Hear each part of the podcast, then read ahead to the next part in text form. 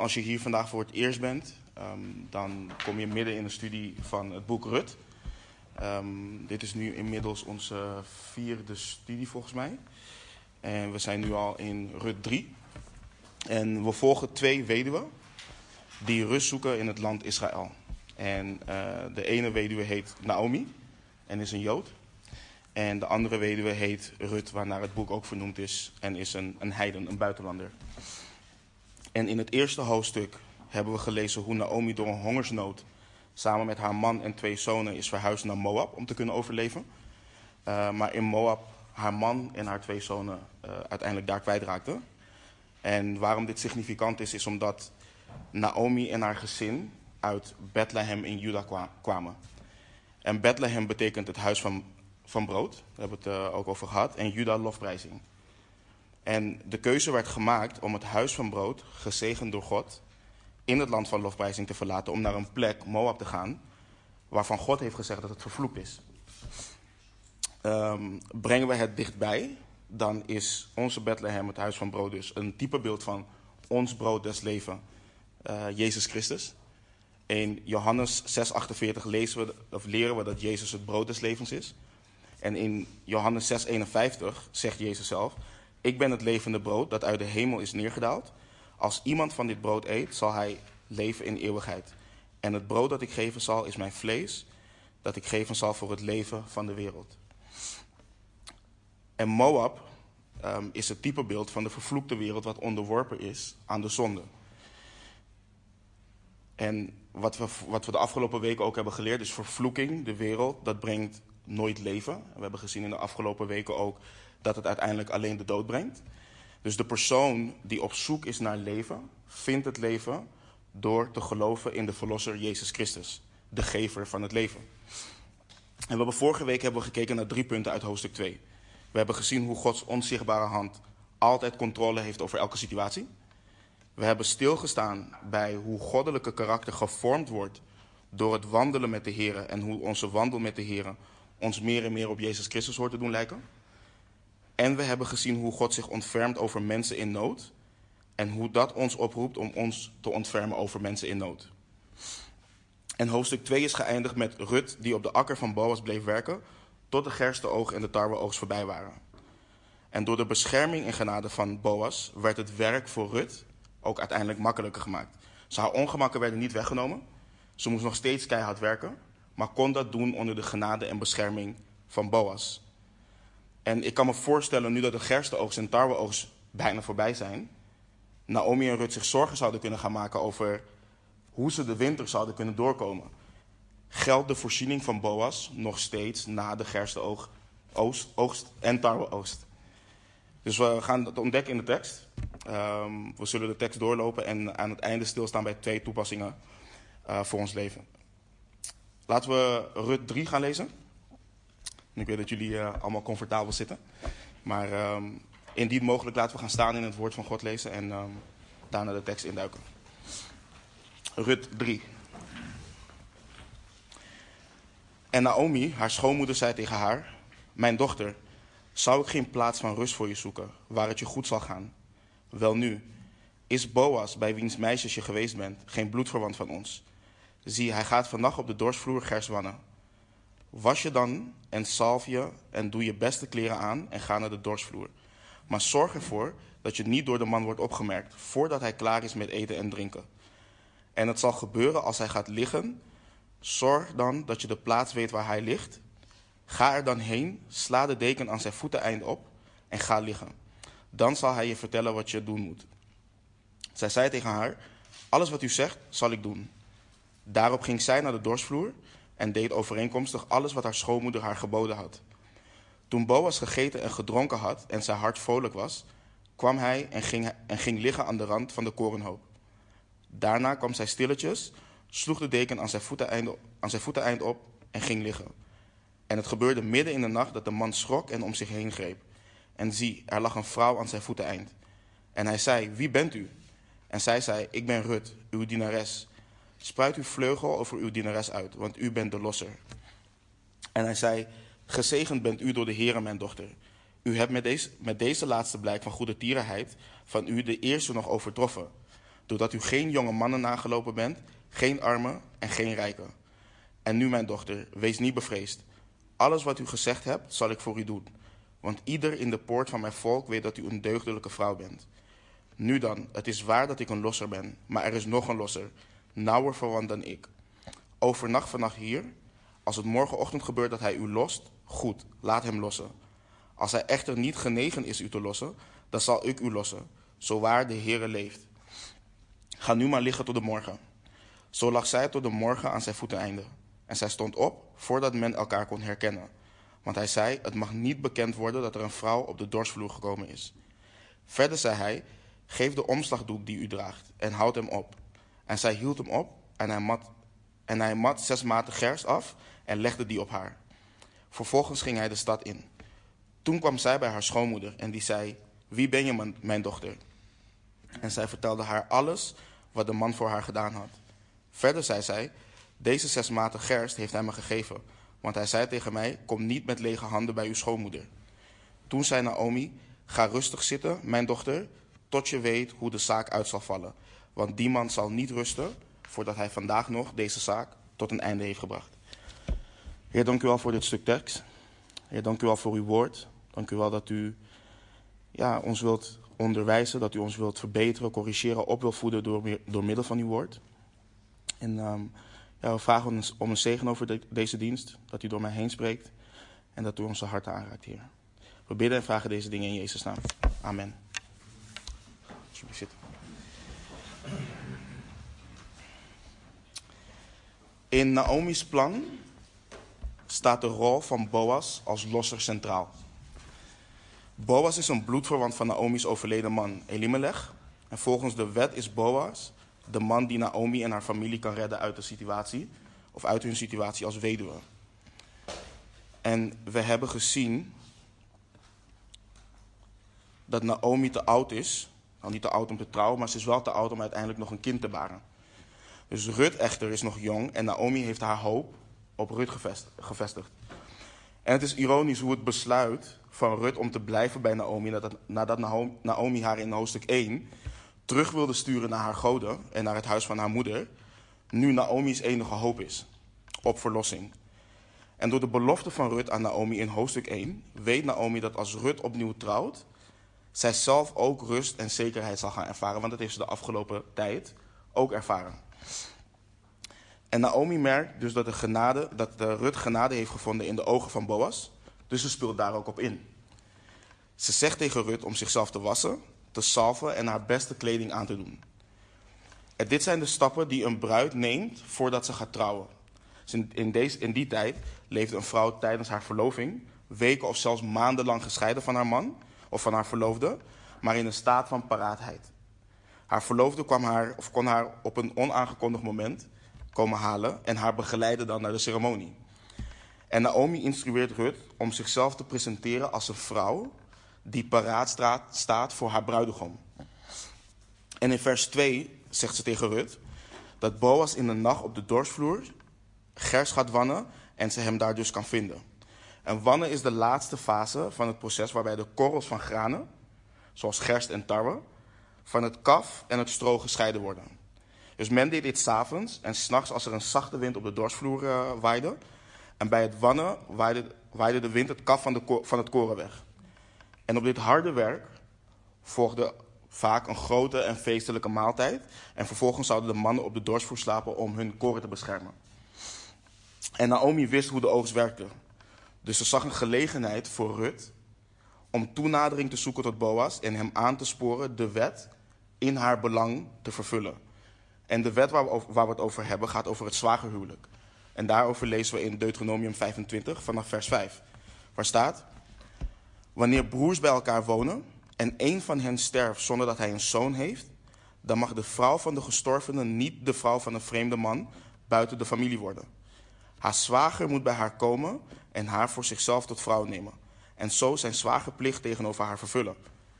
En het moet zo zijn dat het eerste kind dat zij baart op, de, op naam van zijn gestorven, gestorven broer zal staan, zodat diens naam niet uit Israël wordt uitgewist. Maar als deze man niet genegen is zijn schoonzuster tot vrouw te nemen, dan moet zijn schoonzuster naar de poort gaan, naar de oudsten, en zeggen: Mijn zwager weigert een naam voor zijn broer in Israël in stand te houden. Hij wil zijn zwagerplicht tegenover mij niet vervullen. Dan moeten de oudsten van zijn stad hem roepen en tot hem spreken. Blijft hij bij zijn standpunt en zegt hij: Ik ben niet genegen haar tot vrouw te nemen.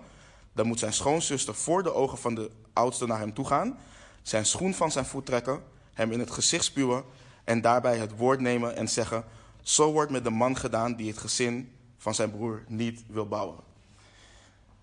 Heftig. dus als een getrouwde man stierf voordat hij een mannelijke erfgename had voortgebracht, kreeg de weduwe van de overledene door deze wet een mogelijkheid om ervoor te zorgen dat zijn familienaam voortbleef uh, bestaan. En de wet, de wet vereiste dat de broer van de overledene met de weduwe van zijn broer trouwde.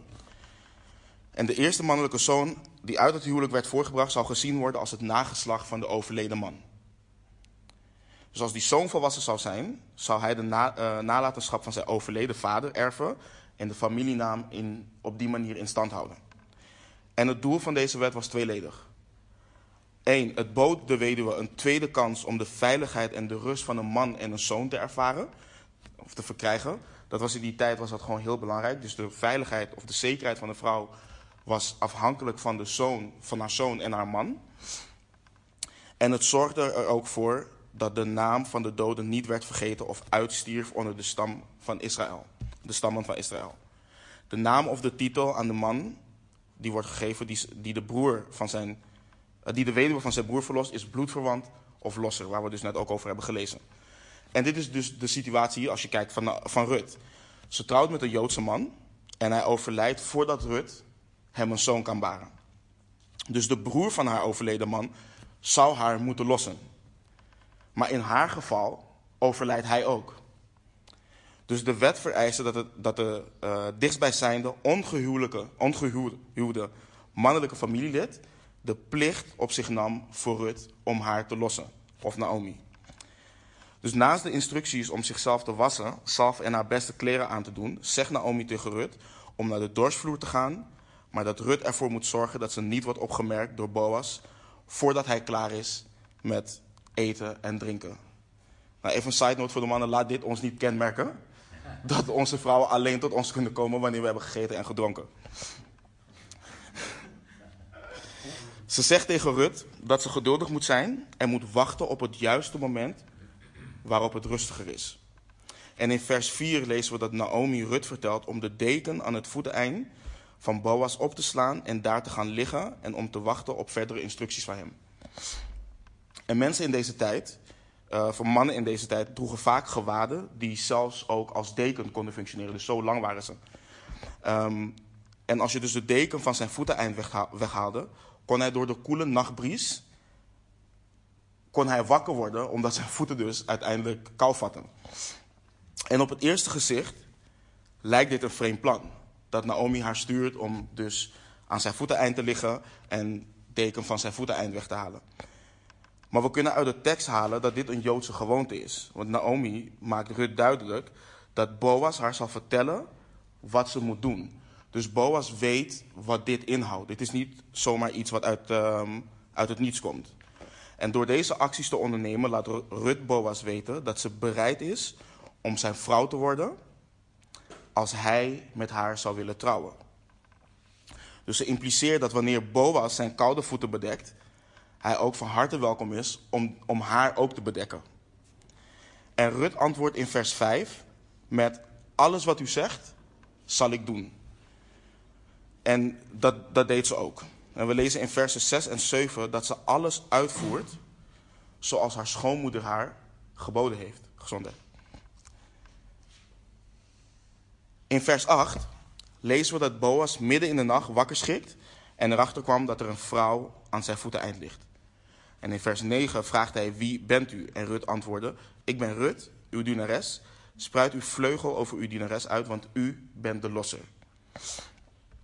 En Boas zijn reactie op Ruts voorstel is vol vreugde. En hij zegt in vers 10, gezegend bent u door de Heere, mijn dochter. U hebt met deze laatste blijk van goede tierenheid van u de eerste nog overtroffen, doordat u geen jonge mannen nagelopen bent, geen armen en geen rijken. En het is bijzonder dat Boas dit zegt, omdat hij het juist is die goede tierenheid aan Rut heeft bewezen in hoofdstuk 2. Maar waar het hem in zit, is dat Rut hem respect en eerbied heeft getoond in hoofdstuk 2, waardoor hij zegt dat ze dus met deze daad van goede tierenheid de eerste overtreft, of, uh, overtroffen heeft. En Rut toonde goede tierenheid aan Boas in haar toegewijde dienst tijdens het oogseizoen en werkte elke dag en beloonde zijn vertrouwen hiermee, dus met haar harde werk. En nu is Rut bereid om van jongere mannen af te zien en Boas zijn vrouw te worden. Zijn tweede daad in zijn ogen van goede tierenheid. En wat mooi is, is dat ook al is Rut degene die in alle opzichten gezegend zal zijn en erop vooruit zal gaan door het feit dat zij zal trouwen met Boas, Boas het ook als een zegen ziet om met haar te trouwen. En we hebben vorige week hebben we ook gezien dat Rut Boas niks had te bieden. Het was een weduwe, ze kwam uit Moab, ze had helemaal niks te bieden. Maar toch ervaart uh, Boas het als een zegen om met Rut te kunnen trouwen. En dit is een punt waar we later ook terug op gaan komen. En ik kan me voorstellen dat Boas als oudere man dacht dat Rut eerder geïnteresseerd was in een jongere man dan in hem. En Rut is echter trouw gebleven in het dienen van Boas. En nu ook in het laten zien dat ze graag zijn vrouw wilt worden. En Boas belooft, dat, belooft Rut dat hij alles voor haar, voor haar zal doen, maar dat er nog een obstakel in de weg staat. Boas is niet de dichtstbijzijnde bloedverwant van Naomi en Rut. En of dit de reden is waarom Boas nog geen stappen had ondernomen om Naomi of Rut uh, te verlossen, is niet zeker. Maar dit kan wel een reden zijn dat hij nog geen stappen had ondernomen.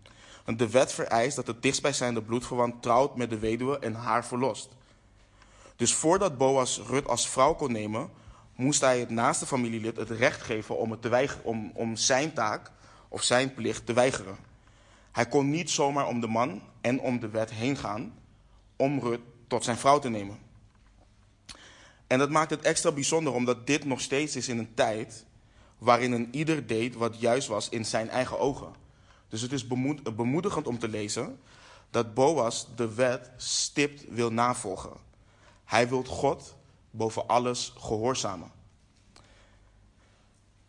En de vraag is dan, hoe zit het met ons? Zijn wij ook bereid om God in alles te gehoorzamen? Of hebben wij onze eigen ideeën van hoe ons leven hoort te gaan en nemen wij daarin onze eigen stappen?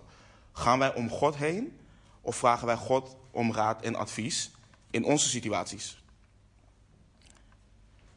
Dus Boas geeft aan, de volgende ochtend, uh, geeft aan de volgende ochtend op zoek te gaan naar de losser om te weten of het andere familielid genegen is om Rut, Rut, sorry, Rut te lossen. Als hij dat niet is, zal Boas haar lossen. En in de tussentijd vraagt hij Rut om te blijven liggen tot de morgen. En we zien in vers 14 dat ze tot de morgen aan zijn voeten eind lag en vroeg opstand, opstond, voordat men elkaar kon herkennen. Boas had al het recht om Rut te vragen om terug te gaan naar huis. Als iemand haar daar had gezien, had het hem zijn reputatie kunnen kosten. Vrouwen mochten niet op de dorsvloer komen. Maar ondanks dat was hij bezorgder over haar veiligheid dan over zijn eigen situatie, dan over zijn eigen reputatie.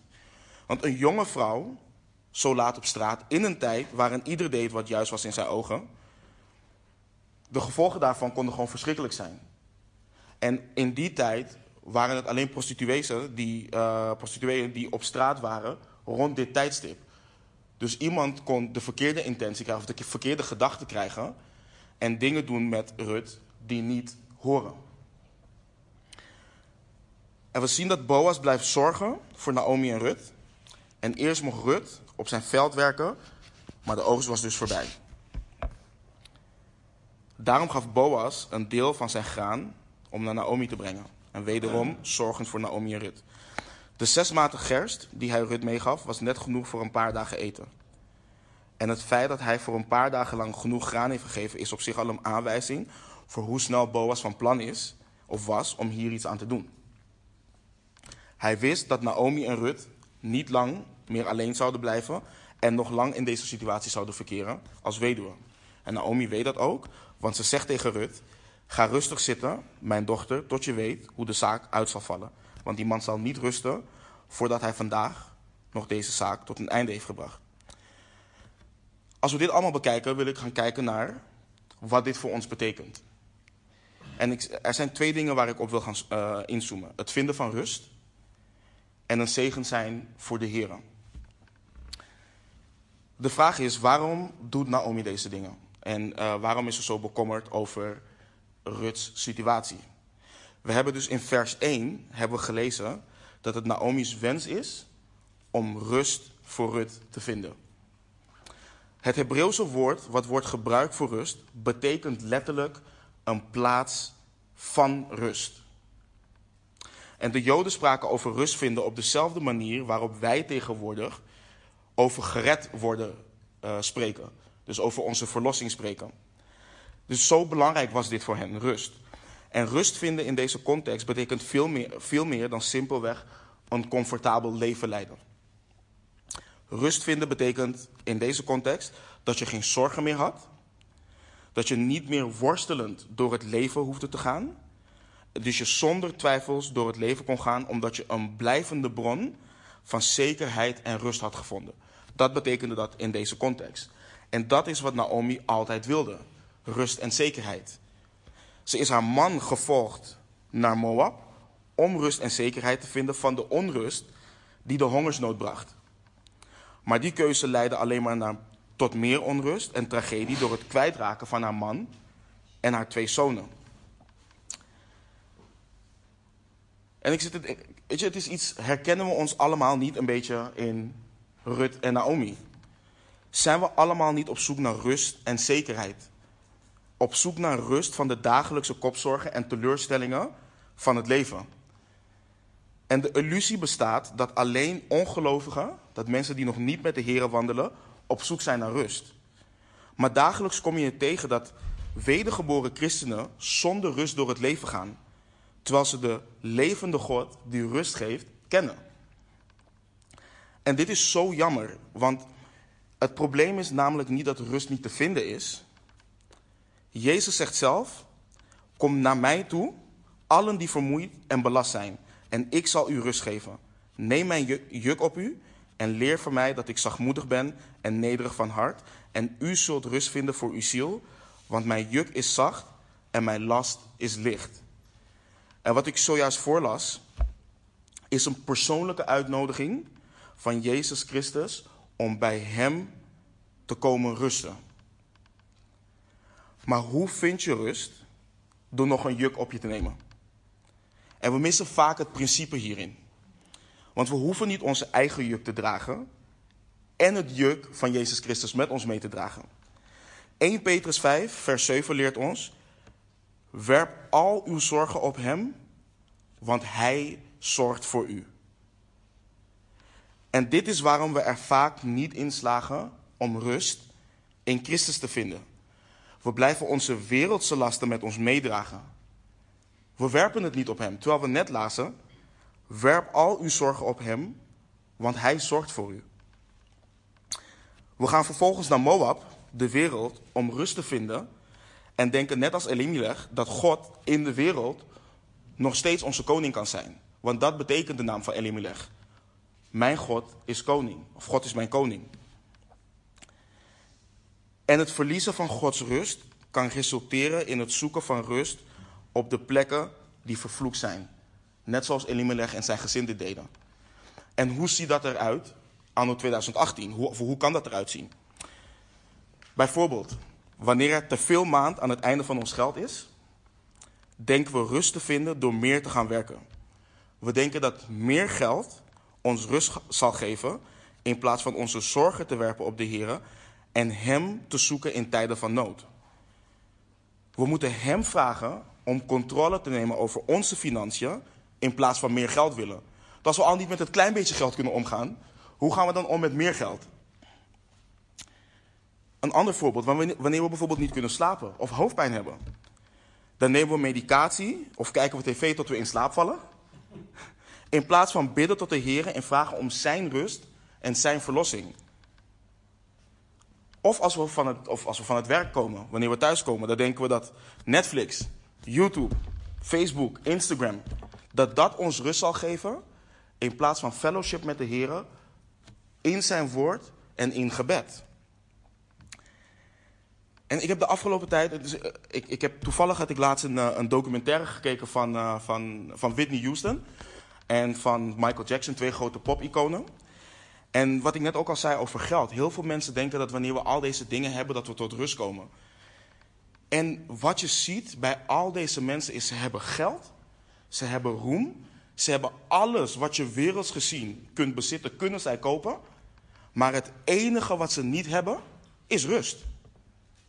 Ze hebben geen rust omdat ze geen relatie hebben met de levende God. Ze zoeken hun rust in de wereld.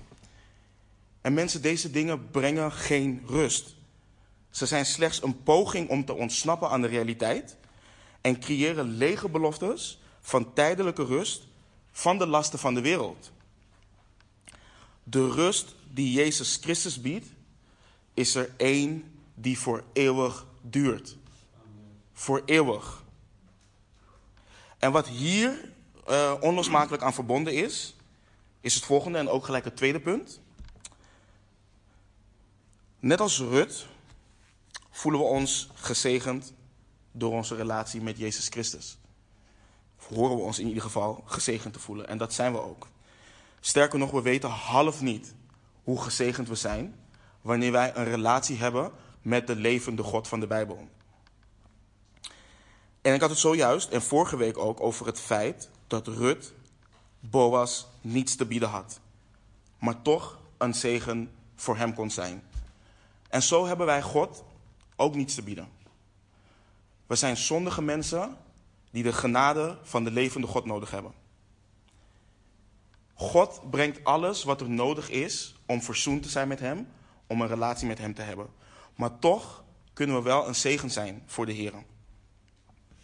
Rut was een zegen voor Boas door ijverig voor Boas te werken in zijn veld. En op dezelfde manier kunnen wij een zegen zijn voor de Heer, die zoveel genade geeft, door Hem trouw te dienen in zijn veld. En denk er even over na, waar zou Rut zijn zonder de genade en bescherming van Boas? Waar zouden wij zijn als de Heere zijn genade en zijn bescherming niet aan ons verleend zou hebben? Hoe eenzaam zouden we zijn? Hoe gefrustreerd, hoe wanhopig, hoe hopeloos zouden we vandaag de dag zijn zonder de levende God in ons leven? En misschien ben je op zoek naar een manier om Hem voor zijn genade terug te betalen. Ik kan je alvast zeggen dat die er niet is. Daarom heet het ook genade. We ontvangen iets wat we niet verdienen. We ontvangen het. We ontvangen zijn genade. We kunnen er niet voor betalen, maar we kunnen in onze wandel wel een zegen zijn voor de Heer. En Paulus legt uit en vat samen hoe we dit kunnen zijn in Romeinen 12.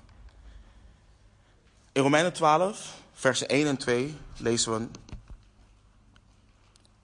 ik roep u er dan toe op, broeders, door de ontfermingen van God, om uw lichamen aan God te wijden als een levend offer, heilig en voor God welbehagelijk.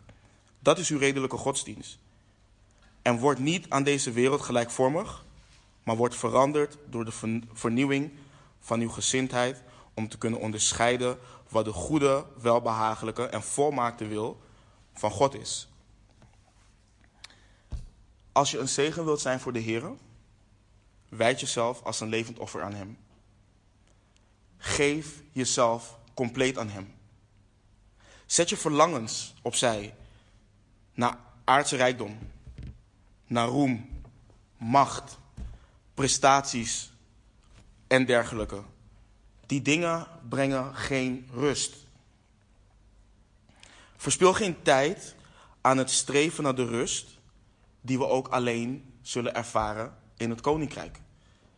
Er is een mate van rust die we hier kunnen ervaren. Rust in de gedachte dat we vergeven zijn voor onze zonden.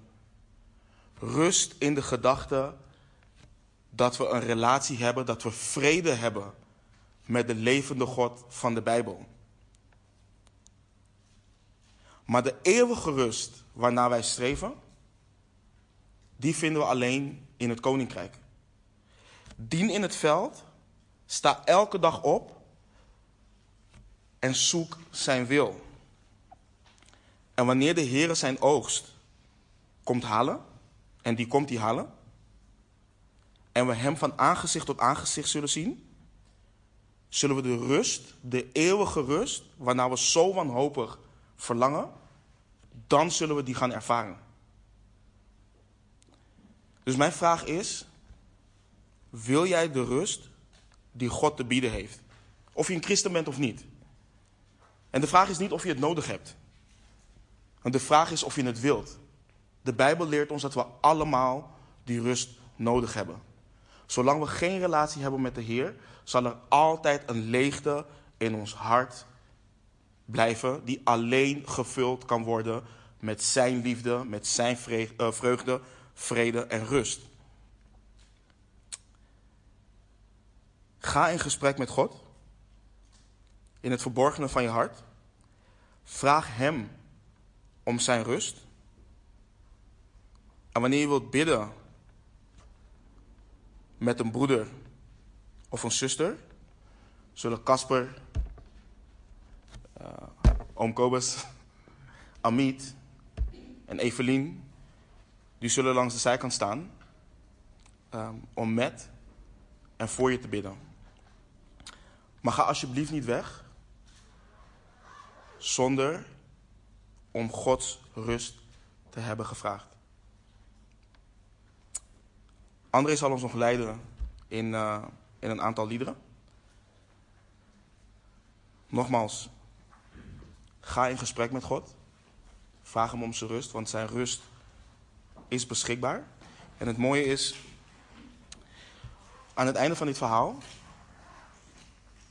moeten Rut en Naomi nog wachten om te weten wanneer hun, wanneer hun verlossing zal komen. En dan gaan we volgende week gaan we daarachter komen. Wij hoeven niet meer te wachten. Jezus is al voor ons gestorven. Hij is begraven, hij is opgestaan. En hij zit aan de rechterhand van de Vader. De rust die God biedt, daar hoeven we niet voor te wachten. Hij is nu en vandaag de dag beschikbaar. Laten we bidden. Vader, dank u wel voor wie u bent. Ja, dank u wel dat u rust geeft. Dank u wel dat u vrede geeft. Ja, dank u wel voor uw uitnodiging. Dat wij bij u mogen komen rusten. Heer, en we hebben u zo nodig hierin. Heer, er komt zoveel van de wereld, komt er op ons af. Heer, en los van alles wat er vanuit de wereld op ons afkomt, plaatsen wij zelf ook nog zoveel druk op onszelf. Waardoor we onrust kunnen gaan ervaren. En ik vraag u om ons te leren om onze zorgen op u te werpen. Om te mogen rusten aan uw voeten. En ik, ja, het is mijn gebed gewoon dat een ieder die hier is, ieder die de studie terug zal luisteren, dat hij een persoonlijke ontmoeting met u zal krijgen om uw rust te ervaren. Laat niemand hier onveranderd weggaan. Laat hier niemand weggaan zonder te hebben gevraagd om uw rust. En leer ons alstublieft wat het betekent om te rusten aan uw voeten. Heer, we wachten op het moment dat we u van aangezicht tot aangezicht zullen zien. Dat we die eeuwige rust die u voor ons heeft, dat we die mogen ervaren. Heer, daarop zeg ik Maranatha, kom snel. En we bidden al deze dingen en vragen deze dingen. Niet omdat we het verdienen, maar puur uit uw genade. In Jezus' naam. Amen.